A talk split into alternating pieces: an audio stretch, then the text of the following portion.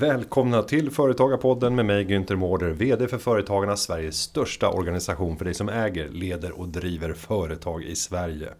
Går det att förändra samhället med hjälp av nyttigt godis? Och vad krävs för att säga upp sig från ett välbetalt jobb för att våga satsa på sin dröm? Det här och mycket mer ska vi prata om i veckans avsnitt av Företagarpodden. Varmt välkomna!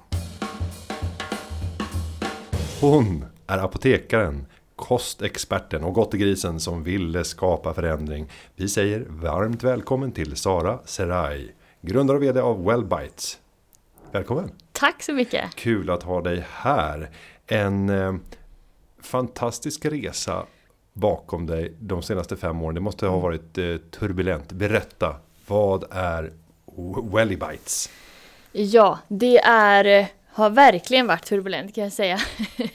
Eh, och vad Wellybites är? Wellybites är ett hälsosamt godis som jag har tagit fram hemma i köket. Just för att jag kände att det saknades ett godis på marknaden som var väldigt gott och samtidigt hälsosamt. Det fanns liksom inte den kombon. Det var antingen hälsosamt eller gott. Eh, och jag tyckte att eh, alltså det måste ju gå att göra någonting som har båda delarna. För som du nämnde där i inledningen så är jag en gottegris och älskar ju godsaker. Um, så att för mig var det bara en frustration som gjorde att jag kände att jag måste testa själv. Ehm, så att eh, ja, jag har skapat ett hälsosamt godis som är helt sockerfritt, glutenfritt, palmoljefritt, fettfritt, veganskt. Det är 40% färre kalorier än vanligt godis. Och sen har jag bara med eh, vitamin, eh, förlåt, eh, naturliga smaker och färger från frukt och grönt. Och även berikat med vitamin och mineraler. Så det är ett hälsosamt godis som är jäkligt gott. Och här tänker jag ju att det här låter som den mest självklara och geniala idén som alla stora jättar borde ha varit på mm. redan för 10-20 år sedan. Mm. Håller helt med. Varför är det inte så? Varför var det? Jag vet inte. Det var ju, och det är väl tur det, för hade det funnits så hade ju inte jag skapat det här. Eh, men det var precis den frågan jag ställde mig. Varför finns det inte? Det är väl självklart att det ska finnas ett godis som är hälsosamt. Det går ju att baka så mycket annat hälsosamt gott hemma. Eh, och det finns andra produkter som är hälsosamma. Men varför finns det inte godis? Men, men, jag vill ändå pröva dig där så mm. det går att göra, baka massa ja. Säg någonting som är riktigt nyttigt. Eh, men som också är väldigt, väldigt gott och som man tillreder och använder ungefär som man använder efter ett godis. Ja, alltså jag har bakat så mycket. Det, alltså jag, en kladd, jag gör en kladdkaka på svarta bönor exempelvis som är så ja. otroligt god. Kladdig, jättegod konsistens. Eh, jättechokladig om man gillar det. Eh, det låter inte gott när man säger svarta bönor, Nej. men det är så gott. Eh, också mycket så här, eh, daddelbollar som man kan göra som är jättegoda. Glassar, nice cream som många kallar det. På typ två, tre råvaror. Alltså det är så, så gott. Så mm. mycket smak. Ja, det, det, är häftigt att ha gjort den här resan och, och man tänker att eh, det här är ju så här typiska idéer som skulle kunna komma från också ett här UF-företag, ung företagsamhet. Man får en mm. briljant idé när man är ung mm. och sen så tar man fram och letar vad som finns och, och, och skapar någonting. Eh, men du har gjort det här i lite större skala. Eh, nu kan du inte säga ens hur många tusentals butiker som godiset finns på. Eh, vi fick addera i vårt manus här att Island, Estland, Finland, Norge är också marknader som ni säljer på utöver Sverige. Mm det är en enorm resa från 2018. Mm. Då är det första gången du omskrivs. Men då hade det hänt redan ganska mycket när jag läste den första artikeln. Var befann du dig 2018 i slutet av året? Jag var intresserad, vilken var den första artikeln som du läste? Ja, det var i Mölndalsposten. Ja. Och där stod det ju att du faktiskt hade kokat fram de här recepten. Mm. Och mm. mammas kök var överfullt ja. av provrör och pipetter och liknande. Eh, så det, det, gav ett sken av att det här är någon som menar allvar. Mm. Eh, det här är någon som har kommit ganska långt. Men det är väldigt långt från ett kommersiellt genombrott. Mm. Absolut, det var det definitivt. Så 2018 där, det var ju året som jag startade. Jag startade i maj 2018. Men sen hade jag ju fått idén egentligen slutet av 16, 2016. Det var då jag fick idén, det var då jag började marknadsundersöka. Eh, se vad, alltså är det verkligen så att det inte finns? Hur kan det vara så? Eh, jag jobbade på apotek så jag hade stenkoll på sortimentet där, fanns inte där. Kollade i hälsokostbutiker, fanns inte där heller. Googlade, nej inte där heller. Kollade på Amazon för att se andra länder. Ja, då fanns det något som var kanske snäppet bättre än det som finns i Sverige. Men det var ändå inte det som jag ville ha. Beställde du hem det? Jag beställde hem det, testade, men det, liksom, eh, det tillfredsställde inte mitt eh, behov egentligen. Så då eh, så började jag 2016 då, som sagt slutet där 16, och koka massa olika recept, testa massa olika råvaror, läsa på mycket i forskningen och mycket kring sötningsmedel och ett, alltså en sak ledde till, till nästa. Så 17, hela 2017, då jobbade jag ju också fortfarande. Men då gjorde jag, liksom intresset blev starkare och starkare och jag fick mer och mer kunskap om ämnet. Och det liksom eh, gjorde att jag blev eh, väldigt ja, men förälskad i, i liksom själva idén och i hela konceptet. Och jag, älskar, jag har alltid älskat hälsa och, och mat och att lära mig mer om det var också jättekul. Så jag kände att jag, ja, men det var en väldigt givande hobby. Men sen för att ta det från hobby till någonting på riktigt, det var ju egentligen då jag fick ta mitt första eh, ganska läskiga beslut och det var att säga upp mig från min heltidsanställning. Och då ska vi samtidigt säga vad det innebar. Mm. För det var som apotekare. Precis. Och vilket kräver en väldigt lång utbildning. Ja, exakt. Så att det, det, är ganska mycket investerat i tid räknat framför allt. Men Mm. Ja. säkert studielån och annat. För att ta sig fram till den punkten. Mm. Ja, och det, stämmer. väljer att bara vaska det. Mm. Mm. Ja men det var faktiskt, jag läste två år på kost och friskvårdsprogrammet först Mm. och sen läste jag fem år till apotekare. Jobbade på apotek sen andra året på utbildningen så jag hade jobbat totalt sett på apotek i ungefär fem år och kände så att "Ja, men det här ger mig inte riktigt det. Jag känner att jag vill göra mer, jag visste bara inte vad. Men jag kände att "Åh, det finns ju mer att göra, varför kan man inte göra så här, varför kan man inte göra så här? Och så inser man att man har så ex- extremt lite, lite att säga till om i den rollen som jag hade då. Ehm, så jag var liksom också lite understimulerad i mitt yrke. Sen så testade jag att jobba på labb också ett tag. Och för att känna så här, okej men kan det här ge mig mer? Men det var ju där jag kände så här, nej men det är ingenting som jag tycker är lika roligt som den den här hobbyn då, som jag inte hade ett namn för då. Eh, och det var då jag kände så här, nej men jag måste testa, jag måste testa. Eh, att, att, eh, Eh, att gå efter min dröm eller min känsla. Jag hade också precis, inte så länge sedan, eh, varit med om ett uppbrott eh, som var ganska tufft. Och då i det så är det också mycket man analyserar mycket sig själv. Vad är det som man på riktigt mår bra av? Vad är det som bidrar med glädje i ens liv? Och så vidare. Mycket sådana frågor. Och då insåg jag mer och mer att men det, alltså det här tycker jag är så sjukt kul. Varför inte testa? Och vi lever också i Sverige som är ett av världens absolut bästa länder vad gäller liksom, eh, dels företagarmöjligheter, eh, det finns ju otroligt mycket stöd och, och bra hjälp, men också det, det sociala skyddsnätet är så himla bra. Så att då försökte jag tänka så här, men hur stor är risken egentligen? Jag vet att det lät som en jätterisk för många att ja, men, du har pluggat i så många år och du har en bra lön, du har en fast anställning. Eh, och du har precis tagit examen i princip, alltså typ något år sedan bara, ska du inte liksom ge det en chans? Men jag kände bara att, men i värsta fall så kommer jag tillbaks hit sen istället. Det är nu jag känner att jag brinner för det här. Och det är nu jag känner också att jag har flow i det, momentum. Och det försöker jag ta tillvara på, den energin. Eh, så det blev eh, den eh, Första steget var ju då att säga upp mig och, och satsa helhjärtat på, alltså helhjärtat med min tid på det här då. Och om vi går till din eh, familj som flydde Mm. till Sverige från Kurdistan. Yes. Eh, fanns det ett entreprenörskap? Bara den handlingen är ju ett entreprenörskap. Men fanns det i företagarmening någonting i släkten där du hade fått stifta bekantskap med företagandet? Mm. Det är jättebra fråga och det är kul att du lyfter för att jag säger det precis på det sättet att det är ett entreprenörskap i sig att komma från ett land till ett annat främmande land där man inte kan någonting om liksom, kulturen, språk och så vidare och bara får lösa situationen. Så jag är ju uppväxt med att mina föräldrar, framförallt min mamma, varje dag bara löser situationer utan att kunna språk eller kultur eller ha nätverk och allt det här. Så det är jag ju uppväxt med att se men sen så hade de faktiskt en tillsammans en livsmedelsbutik när jag var, hur gammal var jag, runt 10 kanske? I några år. Eh, Så det har jag ju sett, liksom det hårda arbetet och att gå upp tidigt på morgonen, åka och handla, fylla på, ha inbrott flera gånger, få lösa de kriserna. Alltså så här, hela den biten har jag ju sett och ja, men som sagt, många timmar man lägger ner mycket arbete och eh, jobbar du inte så får du inte liksom betalt. Eh, så är det visserligen i alla jobb men där är det så mycket mer tydligt att om de inte lägger in timmarna så är det ingen annan som gör det åt dem eller som kan backa upp dem. Liksom.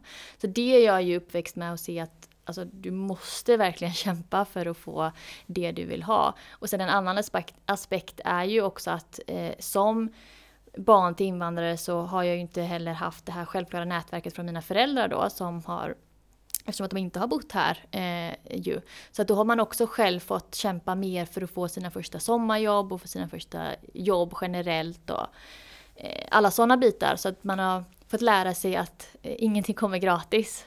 Och jag tänker också på det trycket som sannolikt finns när man ser att man kommit till ett nytt land och man ser sina barn etablera sig, skaffa utbildningar som är åtråvärda och ta sig ut och börjar arbeta inom avancerade miljöer. Alltså jag skulle vara så stolt så här på att svimma. Och sen får man höra att nej du ska säga upp allt det för att satsa på att göra godis. Eh, reaktionerna då, var det full uppbackning eller så här, vad, vad håller du på med? Sumpa inte det här nu. Alltså vad kul. Nej det var faktiskt eh så här. Jag visste att det skulle komma en reaktion så jag sa ingenting. Bra. på ganska länge. Mm. För jag kände så här, nej jag är i, mitt, i min zone just nu. Jag vill inte få det rubbat och jag vet att de kommer ha just de här trygghetstankarna då som väldigt många föräldrar har men kanske extra mycket de som har fått kämpa så mycket för sin trygghet. Um, och då kände jag, nej men jag vet att de kommer komma med massa anledningar till varför jag inte ska satsa på det här. Varför det inte är en bra idé. Eh, och som du nämnde, liksom alla lån och allt som jag tagit under den här tiden. Men så jag gjorde så att jag, för mig var det väldigt viktigt att stärka min egen tro på det först. Och det gjorde jag genom att ja, men vara ute och träffa mycket folk i entreprenörsvärlden och liksom eh, för det smittar ju av sig den här energin när folk helt enkelt är övertygade om sin idé, vad det än må vara. Och sen hade jag jättebra mentorer och rådgivare som också ytterligare hjälpte mig och guidade mig. Och sen var det egentligen när jag hade kommit, okej de förstod ju att jag höll på med någonting för jag stod och kokade recept hela Något tiden. Gör hon. Oklart vad, något ja, gör hon. Jag tror att de bara tänkte, ja ja men så länge hon... Det var liksom, din hobby. Ja men också så här, ja, men hon har precis separerat och hon flyttat tillbaks till, hem till min mamma och det var en tuff tid liksom. Så då var det så här, ja ja bara hon underhåller sig med någonting kanske de tänkte, jag vet mm. inte. Eh, så det gjorde jag hela tiden, stod och kokade massa recept och det såg de ju och jag hade ju min systerdotter som fick smaka massa prover men jag tror att de bara ja men som sagt tänkte, ja men det är en hobby, det är bara någonting, tid, något tidsfördriv. Hon har alltid gillat att baka så att mm. ja, nu håller hon på med någonting där borta liksom. Med den. Men sen var det faktiskt först när jag hade, det jag gjorde var ju att jag eh, eh, sökte in till en inkubator efter att jag sa upp mig för jag kände att jag måste ha, men jag måste, det här fysiska, ha en kontorsplats och känna att jag åker någonstans och den platsen är bara för att jobba på mitt projekt och som ännu inte hade ett namn. Eh, så det gjorde jag och därifrån så fick jag väldigt bra rådgivare, väldigt bra, det var egentligen min första dörr ut i näringsliv, eller en förståelse för näringslivet. För det var andra företagare som drev den och som varit superstöttande och jätte, jättevärdefulla för mig. Och då, eh, ja men en dörr öppnas och så dörr eh, öppnas en annan och så vidare. Och sen så kom jag i kontakt med en person som eh, jobbar på Coop, eh, Coop Väst. Och han gav mig möjligheten att provförsälja på sex butiker i väst, eh, Västsverige. Och eh, då, eh, det var egentligen först då som, som jag hade planen satt, som jag berättade att ja, men här är min broschyr, det här är min plan, det här är mitt namn, jag har skyddat namnet, det här är min idé liksom. Och de, jag vet att de, de bara så här kollade på mig och bara, men menar du all, alltså va? Alltså så här, inte så att de trodde att det var en dum idé, men mer chockade kanske över att jag hade gjort så mycket. Eh, Utan att säga någonting? Ja, alltså. På riktigt? De, de visste att du höll Ja, det var ju mm. någonting, men jag berättade inte i detalj. Mm. Eh, jag minns också en dag så var jag på eh, Yesbox i Göteborg, för jag är ju från Göteborg. Och där var det en sån här dag som jag tror det var Almi som höll den och så var det en pitchtävling hela dagen, alltså från, jag vet inte, med förmiddagen fram till kvällen så var det eh, man skulle pitcha och sen så skulle man pitcha igen och så var det utvärdering och så var det intervjuer och så här väldigt lång process och för mig var det bara roligt att få delta och känna så att man får feedbacken av liksom folk som kan det här. Eh, och så kom jag trea i den tävlingen och det var så här världens grej. Jag har fortfarande kvar, det var en sån här stor check, jag vann 5000 kronor och tänkte jag yes nu kan jag betala lite av, eh, av, av kostnaden för att skapa brandet. Eh, alltså för att ta fram själva loggan, designen.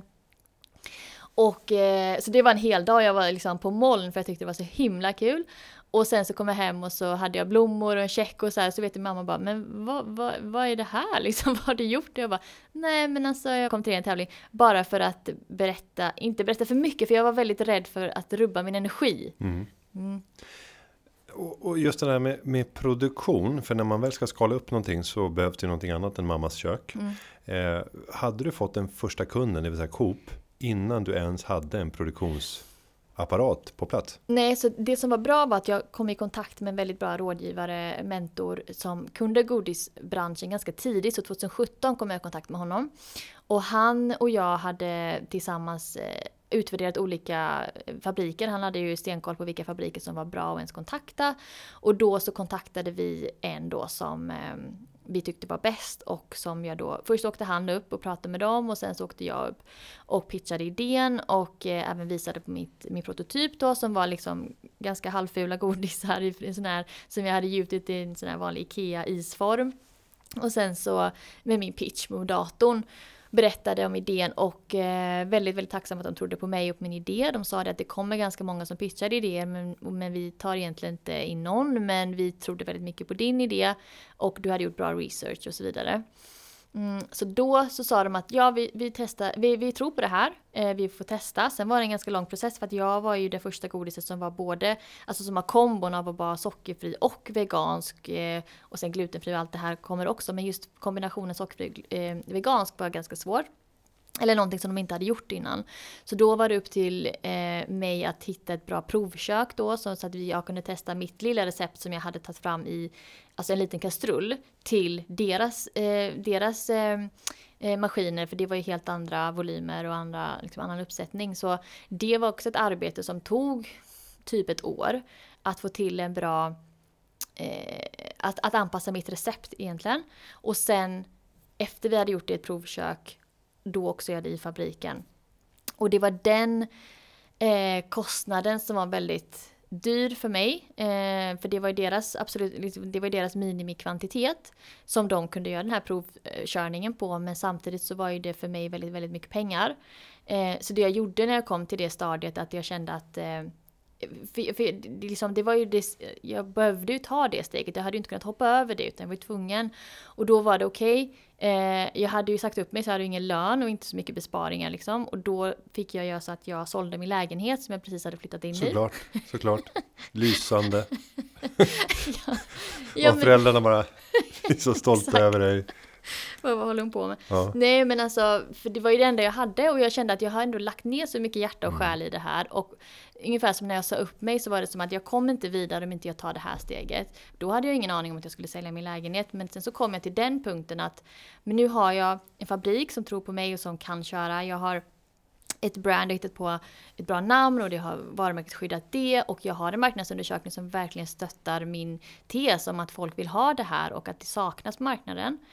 Um, och jag tänker också att jag, om jag har det behovet så är det säkert många andra som också har det. Um, min systerdotter på tre år, hon gillade det, hon hade gett tummen upp liksom och tänkte okej okay, bra, då kommer barn också förhoppningsvis gilla det och vuxna. Eh, så då kände jag att om inte jag tar det här steget nu, om inte jag investerar, då kommer det här alltid förbli en hobby.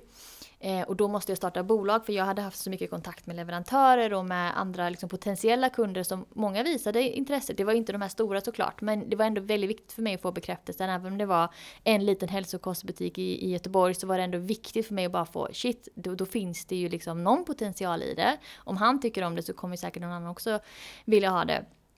Och då var det att starta AB och det var att eh, få alla livsmedelscertifieringar som du behöver ha och sen också då betala för provbatchen. Så då då var det så här, ja, jag har precis flyttat in i min lägenhet. Jag hade väntat två år på den för det var nyproduktion. Eh, och då var det dags att, eh, ja, jag hade precis liksom köpt möblerna, kommit in och sen bara, fan, jag måste sälja. eh, så då gjorde jag det. En månad efteråt sålde jag den. Det var medan jag var i inkubatorn. Så det hände ju väldigt mycket och jag vet att jag pratade med min mentor där på inkubatorn också så här att Nej men jag har kommit fram till att jag ska sälja lägenheten för att jag behöver pengar och jag vet att han sa så här Jaha, eh, okej, okay. det är ett ganska stort steg. Så jag bara, ja men vad ska jag? Alltså det är ju det enda alternativet jag har. Jag är ju också här, jag har precis sagt upp mig, jag har, jag har antagen ett halvår på det här programmet. Jag vill verkligen optimera min tid här. Eh, så då gjorde jag det, sålde den. Men jag tänker den här eh, mentorn, ja. lyftes inte frågan om Ska vi titta på andra finansieringsmöjligheter? Så sälja av en del av potentialen i det här skedet för Mm. att kunna minska risken för din del. För det är ett extremt risktagande du beskriver här. Det är relativt ovanligt att jag möter den enorma aptiten som sannolikt baseras i en enorm övertygelse. Annars kommer man aldrig göra det. Eh, Men det är rätt ovanligt. Och, och med det kommer naturligtvis en potentiellt oerhört hög avkastning. Mm, Men spridningen blir väldigt stor utfall. Eh, Tittade du på andra finansieringsalternativ innan du fattade det drastiska beslutet att sälja av den enda betydande tillgången som du Ja. hade? Exakt, och den var också känslomässigt ganska viktig för mig, alltså affektionsvärdet, just för att jag hade nyligen separerat då och det här var liksom min chans att börja om ett nytt hem. För det var ju också så här, jag är jättetacksam att jag har liksom min mamma i, i eh, den staden, alltså sa- att liksom hon är där och hon har ett hem där jag kan flytta in. Men det var ändå väldigt så här, man, det kändes också känslomässigt som att jag backade lite. Mm. Men eh, jo absolut, alltså det sa de ju. Men jag tyckte att eh, jag vill inte riska någon annans pengar. Så jag såg det mer som att liksom, det är okej om jag riskar mina tillgångar eller min tid eller mina pengar eller min lön. Men jag vill inte ha det på mitt samvete att eh, riska någon annan, eh, någon annans pengar. Och då kände jag så här, nej. Och samma sak med lån, Almi, man kunde ju ta mjuka lån och så vidare. Men jag kände bara, nej. Jag vill ändå, jag kan vara ganska envis. Och, och, och med, med facit i hand, och så här, det är ju helt ointressant att diskutera det egentligen. Eh, men eh, vilket råd hade du gett till dig själv i det där läget? När du nu sitter med utfallet. Ja, du kanske skulle säga att helt rätt. Det var den bästa affär jag gjort. men, men det var ju också förenat med en hel del eh, risker. Så här, mjuka lån från Almi, inte helt tokiga. Mm. Eh, Nej. Att, att, att bli av med den där rädslan för att ansvara för andras pengar, att man har lånat pengar. Så här, det är en del av spelets regler, det är därför du betalar en så pass hög ränta för den här typen av lånen. Ja, men det var ju också dyrare för mig att göra så. Alltså då hade jag fått betala en ränta. Eller jag hade fått sälja av en del av mitt bolag. Det var ju många, många, men det var några stycken i, i början också som där jag pratade just om att men jag har inte så mycket pengar för det här. Jag, jag, liksom, jag tycker att jag vill väldigt gärna jobba mer men kan vi hitta en kreativ plan framåt eller en avbetalning på lite längre tid eller sådär. Och då var det några som sa att men vi, vi kan göra att vi tar istället en del av din eh, försäljning. Men jag bara kände någonstans där nej, det är att ge för mycket. Faktiskt. Utan jag vill hellre lösa det här. Jag vill stå på egna ben. Liksom, se att jag kan lösa det här. Eh, och ja, jag tycker att det var väldigt bra att jag gjorde så. nu i efterhand. Och det finns andra saker som du har eh, gjort oväntade eller fattat oväntade beslut i. En, en tid senare, hur långt senare stod du i draknästet? Ja. Just det. Är det året efter eller? Nej, det var 2021 var Mm. det. I februari 2021. Sen så sändes det augusti 2021. Mm. Men utifrån ditt perspektiv så, så var det ju inspelningen som är intressanta, inte när det Mm, sändes. exakt. Eh, och vad var upprinnelsen bakom att du fick komma med och pitcha där? Hur såg vägen ut in till Draknästet? Alltså den är faktiskt väldigt, eh, eh, väldigt eh, speciell, oväntad. För att jag hade nämligen, jag hade kommit till ett läge, så första året omsatte jag 2,7 miljoner, gick med vinst, inte mycket vinst men ändå vinst. Eh, och sen nästa år så omsatte jag 12,5 så då var så här wow, jättebra, liksom bra utökning. Och året efter så blev det 22 miljoner, så det var liksom, det bara växte och växte. Med imponerande lönsamhet ska man säga. Ja, tack. Också, Mm. ska du nämna. Exakt. Och det, hur jag har gjort det, gjort det så lönsamt, det är ju just för att men, jag hela tiden haft den här, att varenda krona verkligen räknas. För att det har varit så, för att jag har inte haft någon liksom, investering eller, utan det har varit min lägenhet som jag investerat, det har varit min tid, jag har levt utan lön. Jag minns när jag tog ut min första lön efter två år på 12 500. Alltså jag kände mig så rik. Jag kände så här, wow! Pengar på kontot! Eh, så för mig var varje krona viktig. Och då kände jag att eh, Eh, nej men nu växer jag väldigt mycket, väldigt snabbt och jag vill också liksom, att komma in på ICA, Coop, Axfood och alla de här stora apoteken, Reitan. Alltså det är väldigt, väldigt stora aktörer och de största aktörerna. Och det är också alla jättemånga stora brands som finns där. Och de underhåller ju dem på ett sätt. Och jag måste ju matcha det. Och jag är bara en person. Jag har absolut att jag jobbade sjukt mycket. Och det var liksom Welly Bites var verkligen mitt liv, är fortfarande mitt liv. Men då var det eh, att jag behövde, jag behövde mer helt enkelt. Jag behövde mer mankraft eller kvinnokraft eller vad man ska kalla det. Eh, och då kände jag att jag behöver investerare. Alltså, eller så här, jag behöver partners, inte investera i form av pengar utan jag behöver partners mm. snarare.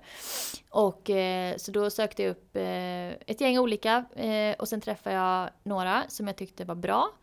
Eh, och då kom de in i bolaget 2020, sommaren 2020. Eh, och vi hade en plan, gemensam plan för hur det skulle gå, hur samarbetet skulle vara, vilken liksom, stöttning jag skulle få och sådär. Men det visade sig efter ganska kort tid att det inte blev så som det var tänkt. Så jag tog ett ganska eh, jobbigt beslut. Eh, först att, alltså att, att, inse det var väldigt, väldigt jobbigt efter bara några månader. Att shit, det här funkar inte. Det är inte alls det som... Jag ser inte att det här ger positivt för varken mig eller Wellybites utan tvärtom till och med att det går i motsatt riktning. Och jag kunde inte med, återigen jag har offrat så mycket för det här, jag kunde inte med att se min baby bara gå i fel riktning. Och, och vill du berätta, vad, vad är det du ser i det där samarbetet som inte fungerar? Vad är det du observerar som känns att det här blir inte rätt? Ja men det var att den, jag behövde en viss kompetens, jag behövde ett visst nätverk, jag behövde vissa dörröppnare och eh, de var inte det. Och det som, så som arbetet såg ut där var egentligen att jag gjorde precis det jag gjorde innan. Jag öppnade alla dörrarna själv, jag la in alla timmarna själv. Jag eh, det var liksom ytterst lite som de bidrog med. Och, då, och jag hade ändå sålt en del av mitt bolag till dem. Så det gjorde ont att se faktiskt. Mm. Eh, men jag, liksom, jag fattar det, de har andra bolag som de investerade i men det var bara fel förväntningar eh, tror jag från båda håll säkert. Att eh, eh, ja, hur det här nu ska drivas men i och med att jag var helt själv och hade ett så pass utifrån sett stort och starkt bolag liksom, som har central listning i hela Sverige på alla kedjor, har en väldigt stark lönsamhet, väldigt stark tillväxt. Eh, men det var på en enda person. Eh, så att det var mycket, det var, ja, det var inte bra, eh, jag såg inte att det utvecklades i det sammanhanget. Och då så tog jag beslutet att köpa ut dem efter bara ett halvår. Så väldigt kort tid. Så köpte jag ut dem och detta var i januari 2021. Och det som var så otroligt sjukt är att två dagar efter det här så ringer tv-produktionen på Draknästet mig och säger att ja men hej vi har hört talas om dig, vi har läst lite om dig, skulle du vilja vara med i Draknästet? Och det var så otroligt konstigt för att det var så här, men gud det här känns ju som att... Jag har precis gjort mig av med investerare. Ja, Åh, herregud. exakt. Och jag kände så här, jag är inte sugen på investerare just nu. Utan mm. nu vill jag bara ha en tid där det får gå lite långsammare då. Men då vet jag att jag fokuserar rätt och jag lägger min tid där, liksom det som får bolaget att växa och inte på massa annat. Eh, så jag var lite tveksam först, men sen så tänkte jag, men vad fan, jag har ju följt Dragons Den och Shark Tank i alla år. Det har varit så sjukt häftigt att göra det här och bara få vara med om den upplevelsen själv. Men allra viktigast var att ska jag ha investerat den här gången så måste det vara investera som jag ser ett, ett, eh, ett värde i och som kommer hjälpa Wellybites att växa på det sättet som jag vill. I, i, I och med att jag har tagit fram detta också i syftet att förbättra folkhälsan med att vi har ökade siffror på diabetes typ 2 och övervikt, inte bara i Sverige utan i hela världen. Så då var det ju viktigt att eh, eh ja, men växa snabbt och komma ut i världen och liksom, alltså export, göra exportresan och ja, men stärka varumärket, branding, allting. Eh, så det var Ja, så jag funderade och sen så tackade jag då. Eh, för det var, jag visste inte att det skulle sändas då för att det hade inte sänds på jag vet inte hur många år. Så det var första omgången, nu är det ju inne på säsong tre. Eh, eller det ska sändas, säsong tre ska sändas snart. Jag var med i första säsongen. Eh, och då eh, tackade jag ja. och så åkte jag upp i februari då i, till Stockholm. Och så det gick väldigt, väldigt fort. Och det var ju också en process då man ska lämna in lite siffror och data och sådär om, om bolaget. Och du fick bud av ja. samtliga drakar. Men valde att tacka nej. Varför? Ja, jag fick fyra av fem ska jag säga, så det var en som inte gick med. Mm. Eh, men, och jag fick dubbelt så mycket investering än vad jag hade tänkt eh, från början. Eh, men det som gjorde att jag tackade nej efteråt, det var att, men det är ju en process efteråt såklart med DD och man går igenom olika, ja men så här, way of working helt enkelt. Och då så börjar en magkänsla skrika lite i mig så här, akta dig, gör inte samma sak igen. ställ alla tuffa frågor. Så de tyckte ju, jag vet att eh, framförallt vissa av dem tyckte jag var jättejobbig. För att jag ställde mycket frågor men det gjorde jag bara för att jag kände att jag kan inte gå igenom samma sak. Jag måste ställa de här frågorna som jag inte ställde förra gången som jag bara antog skulle lösa sig men så gjorde det inte det. Och den enda som får ta smällen är ju jag såklart. Eh, så att då kände jag, jag ställde mycket frågor och insåg så här, ja ah, det är inte riktigt rätt match. Eh, med, inte med alla, vissa hade jag verkligen velat ha med. Och andra eh, insåg jag inte är den bästa matchen.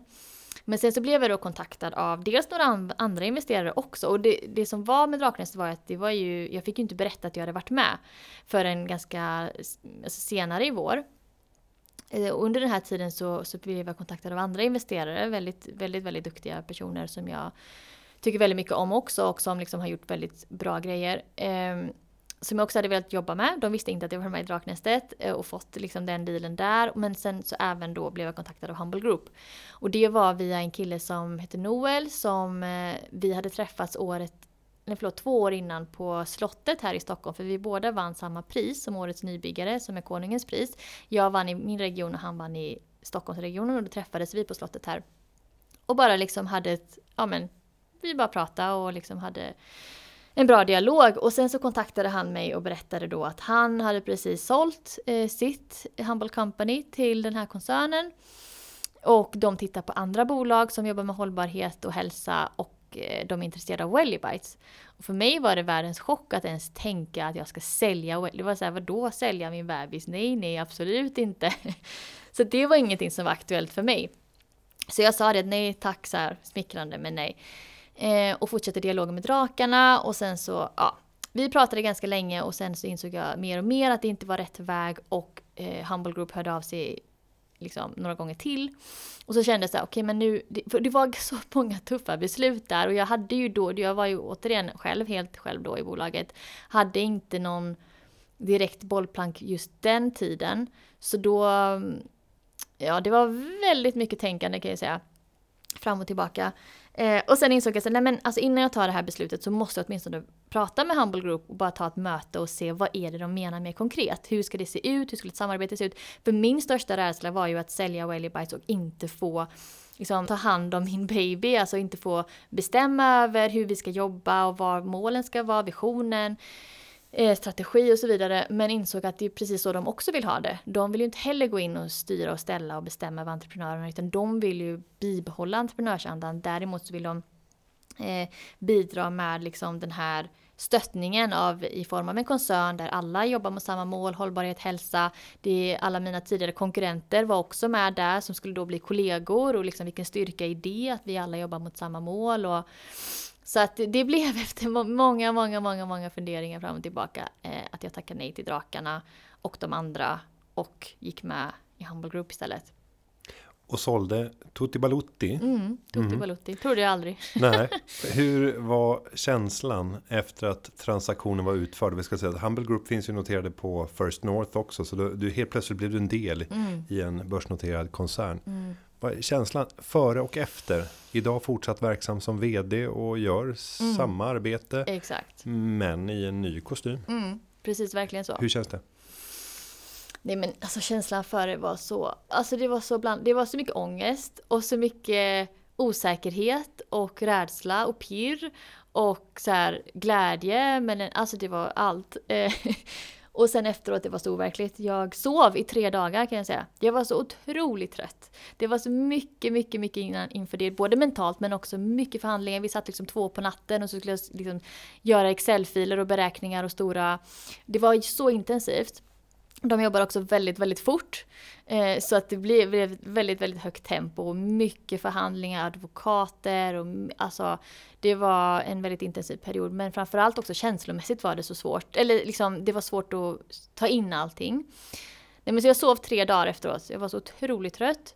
Eh, och efter det så kände jag, jaha, vad händer nu då? Liksom, nu har jag sålt mitt bolag, vad, mm. vad gör jag nu? Jag visste ju såklart att jag skulle vara kvar och fortsätta jobba och vara verksam och VD och liksom fortsätta fortsätta som innan men, men i en annan kostym som du sa. Eh, nej men sen så kände jag att jag måste bara byta miljö. Jag kan inte bara ha min vanliga rutin igen. Jag måste liksom bara göra någon break. Så jag åkte till Spanien två veckor på en yogaresa själv. Och bara yogade och sov och liksom njöt av solen. Eh, och sen kom jag tillbaka och sen så var det dags för att Draknästet att sändas efter några dagar. Och sen var det börja handboll. Så det var väldigt intensivt. Så det har ju tagit, det tog ju minst ett halvår egentligen att bara på riktigt smälta det här och förstå. För det är så högt tempo hela tiden också så att jag hinner inte reflektera så mycket. Det är bara nästa grej och nästa, nästa, nästa. Om vi går tillbaka till de där frågorna som mm. du ställde till investerarna och som du kanske missade att ställa i första läget. Om du ska få ge smakprov, om vi låtsas att jag är mm. den potentiella investeraren. Mm. Vad är det du vill veta med? Jag vill veta vad är din vision med eh, bolaget om tre år? Mm. Och där vill du höra att jag eh, har en långsiktig ambition. Jag har inte tänkt att göra någon exit. Jag vill följa med på din resa. Mm. Jag vill lita på dig och din intuition. Mm. Eh, men jag vill också bidra för att kunna nå högre mål mm. än vad du tror är möjligt. Mm. Tack vare det jag kan komma med till bordet. Exakt. Var det rätt svar? Ja, jättebra svar. Ja, vi tar nästa fråga. och nästa fråga är vad har du för erfarenhet i branschen? Erfarenhet och nätverk i branschen. Ja, för just mig i det här fallet väldigt begränsad erfarenhet. Men det man ska komma ihåg är att 99% av allt företagande är ungefär detsamma. Du är proffset på det du ska göra. Och därför ska vi ha all tillit till att du ska göra de delarna som handlar om produktutveckling, relationen till kunderna. Mm. Men däremot själva företagsbyggandet, där finns det stora nu himlar jag med ögonen här för att försöka undkomma. Du vill ha specifik branscherfarenhet ja, här. Mm. Ja, för annars så kan jag köpa precis det du säger. Den tjänsten kan jag köpa för pengar istället oh shit, för aktier. Här nu.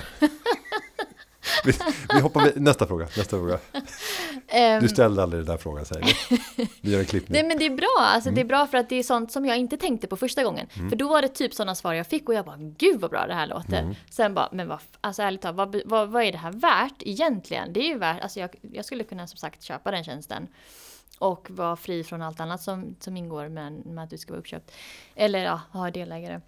Finns det fler frågor? Mm, ja, det finns ju en del till frågor och det skulle vara... Ja, men jag skulle vilja fråga vad de... Eh, också deras exporterfarenhet. Mm. Eh, för att vi vill ju bygga det här, vi vill komma utomlands. Har ni konkret exporterfarenhet, ja eller nej? Om mm. svaret är nej, då blir det förmodligen skulle jag anta att du skulle svara på typ på samma sätt. Att man litar på mig och min förmåga och så vidare. Ja, men då betyder det att jag gör det själv. Vad är ditt värde då? Mm. Det låter jag hård. Men det är så man får vara ju. Det är svart på mm. vitt. För att du ger, det är inte välgörenhet utan du ger ju dem en del av ditt bolag som är värt mycket och kommer bli värt mycket, mycket mer tack vare mig. För det är jag som kommer lägga in det arbetet.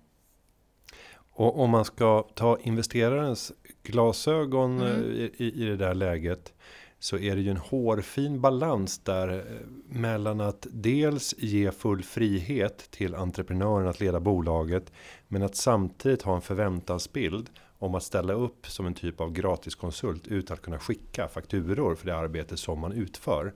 Och det där är alltid en svår balansgång och tittar man till exempel på styrelseuppdrag så kan ju det förefalla vara attraktivt till exempel för en advokat att gå in för man blir starkt efterfrågad. Det behövs juridisk kompetens. Mm. Men om man tänker på en sån advokat så brukar de ta om man har specialkunskaper 4-5 tusen kronor i timmen. Mm. Om du tittar på styrelsearvode så kommer det sannolikt i ett hyggligt fall vara en 100 000, 150 kanske 200 000 om det är ett, ett generöst mindre bolag. Mm.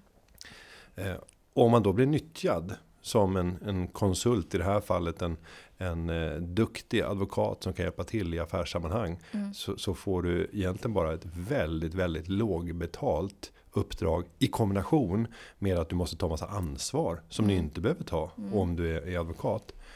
Och, och det gäller att fundera lite grann också som, som investerare vilken relation man ska ha mm. och hur man ska ersätta det. Sen kan jag tänka mig att du hade en väldigt återhållsam ersättningssyn på dig själv eftersom du äger mm. bolaget. Absolut. Och det där är en fråga som jag alltid vill ta i ett tidigt skede. Mm. Så här, om vi tänker att bolaget är fem gånger större än vad det är idag och du har anställt personer i en ledningsgrupp. Hur ser du på ersättningar? Mm. Att komma överens om hur ska värden distribueras ut till oss som ägare och till dig själv. Mm. Eh, och ha den klart hade ni, nu var ju det här ett, ett, noterat bolag som du sålde till, så då är det inte lika uppenbart att man skapar det ägardirektivet, för att man kan inte ha speciellt mycket restriktioner mm. som ett, ett noterat bolag. Eh, men ägardirektiv, var det någonting du hade med den första ägarkonstellationen? Nej, jag hade faktiskt inte det. Det var ju någonting som vi pratade om att vi skulle skapa, men i och med att de var inne så kort sväng så hann vi faktiskt aldrig dit. Men det är ju någonting som jag insåg värdet av under tiden, att det borde jag egentligen ha haft sedan starten. Eh, så det är tips för de som tar in delägare. Och gå ut och sök på nätet på ägardirektiv så kan ni få se mängder av exempel. Några ligger på företagarna.se. Och där kan man inspireras av ett antal frågeställningar. Jag vet att Almi har gjort en bra mall också. Med typ 20-25 frågor som skulle kunna vara med. Mm. Och besvara sitt ägardirektiv. Titta på vilka av de här frågorna är relevanta. Sen är det ju alltid så att framförallt när man startar tillsammans med en vän, inte ovanligt. Mm. Att allting är så himla gulligt och härligt. Det här ska vi göra tillsammans. Men det händer rätt mycket längs vägen. Mm. Eh, tänk om du hade satt igång med den här idén tidigare. Det hade inte varit oväntat om du kanske hade haft med dig en ex-partner på en mm. sån här resa. Mm. För att det plötsligt fanns lite pengar där och du får gå in med det och vi mm. gör det här tillsammans. Vi har 50-50. Så att eh, tänk verkligen till. Gör mm. de här ägardirektiven, ställ de här frågorna. Jag tyckte det var hård och bra. Jag gillar det. ja, men jag lärde mig. Man lär sig efter. Det av erfarenhet. Liksom. Ja, precis. Mm. precis. Och det var också de frågorna som vissa drakarna tyckte var för hårda. Men jag tyckte liksom nu hade jag ändå kött på benen till att varför, varför jag ställer dem. Mm. Eh, och jag har förstått utfallet om jag inte ställer dem. Om vi nu blickar framåt. Mm. Du har ju verkligen gjort en så här entreprenöriell snabb resa. Startat och gjort en exit. Är kvar som vd. Det är en helt annan sak. Mm. Att vara vd. En operativt ansvarig för en verksamhet. Jämfört med att offra allt i sitt liv. Eh, av ekonomiskt värde. För att förverkliga sin idé. Det är väldigt stor skillnad. Och på, tid ska jag säga. Ja, ja, all den tiden. Tveklöst. Men allt i sitt liv och ekonomiska. Mm. Eh, att vara vd är ju en helt annan tillvaro. En helt annan trygghet. Eh, samma utmaningar på bordet absolut. Men inte den där nedsidan som, som i övrigt finns. Hur tänker du förvalta det här framåt och var hittar vi dig om tio år? Åh, bra fråga. Nej men den första frågan där, alltså egentligen, jag har ju alltid varit vd ju för att jag har varit den mm. enda Eh, i bolaget sen starten. Men, men det är ju så det är samma utmaningar jag sitter med. Det är samma frågor, det är samma känsla. Jag har alltså precis samma kärlek och, och, och eh, omtanke om bolaget som innan. Eh, och om produkterna. Produkterna är fortfarande mina bebisar. Nu lanserar jag precis två nya chokladprodukter till exempel. Det känner jag hela tiden att familjen växer. Men eh, det som är skillnaden nu är egentligen att eh, nu finns det några som jag vet är på min sida. Alltså om det, för bränder kommer ju varenda dag. Varenda dag är det ju bränder att släcka. Och de, eh, då är det ganska, eller det är väldigt skönt att veta så här att, ja men eh, jag står inte helt ensam i det här. Jag har inte, har inte helt kniven mot strupen längre som jag kände att jag hade innan. Allt hänger inte på mig utan det finns kompetens, det finns nätverk, det finns andra som vill stötta upp mig och inte bara för att vara snälla. Alltså det är inte bara en snäll rådgivare utan det är faktiskt liksom ekonomiskt eh, viktigt för dem också att, att det går bra för varje liksom, dotterbolag. Så att så det känns väldigt, det är skönt. Alltså det, det, den pressen från axlarna har ju lättat. Eh, men inte helt, för jag känner mig fortfarande, eller jag är fortfarande ytterst ansvarig för bolaget. Och det är fort, vi är fortfarande väldigt, väldigt få. I, idag är vi bara två. Vi kommer bli fyra, jag håller på att rekrytera nu. Jag hade tre intervjuer idag till exempel. Så förhoppningsvis ganska snart är vi fyra. Men det är ju fortfarande jag som sätter alla ramverk, regler, processer, organisationen, hur, hur jag vill bygga upp den, vilka partners jag ska ha och så vidare. Så, vidare. så det är väldigt, det är mycket samma. Eh, men skillnaden är då som du säger, eh, tryggheten är lite större. Men den är inte, jag, jag, det är inte så att jag känner mig så här jättebekväm och bara nu kan jag luta mig tillbaka och pengarna rullar in. Så är det inte. Utan jag behöver verkligen fortsätta kämpa. Jag jobbar ju absolut inte mindre nu. Eh, ibland faktiskt inse att jag jobbar mer. Men det är också för att ju större man blir desto mer uppgifter eh, har det ju att ta tur med. Ja, det har varit enormt roligt och intressant att få höra den här berättelsen och få insikt i en resa som jag läst en hel del om, men Kul. nu fått helt nya typer av perspektiv och framförallt den personliga känslan levererad bakom. Mm. Sara, jag vill säga stort tack för att tack du kom snälla. till Företagarpodden. Tack för att jag fick komma, jättekul. Och jag tror att vi lär få se mycket av dig framöver. Så jag säger vi ses igen. Vi ses igen. Och för dig som vill ha fler tips på hur du kan utveckla ditt företag och kanske inspireras av saker som du har hört att eh, Sara har gjort så vill vi tipsa om företagarna.se och gå in under fliken driva eget. Där finns mängder av inspiration, mängder av berättelser från andra entreprenörer där de ger tips på hur de gjorde. Med det, gå ut och förverkliga din egen dröm. Det här är podden som är eh, klippt av Petra Cho och det är David Hagen som har gjort underlaget. Vi hörs igen som vanligt nästa vecka. Tack och hej!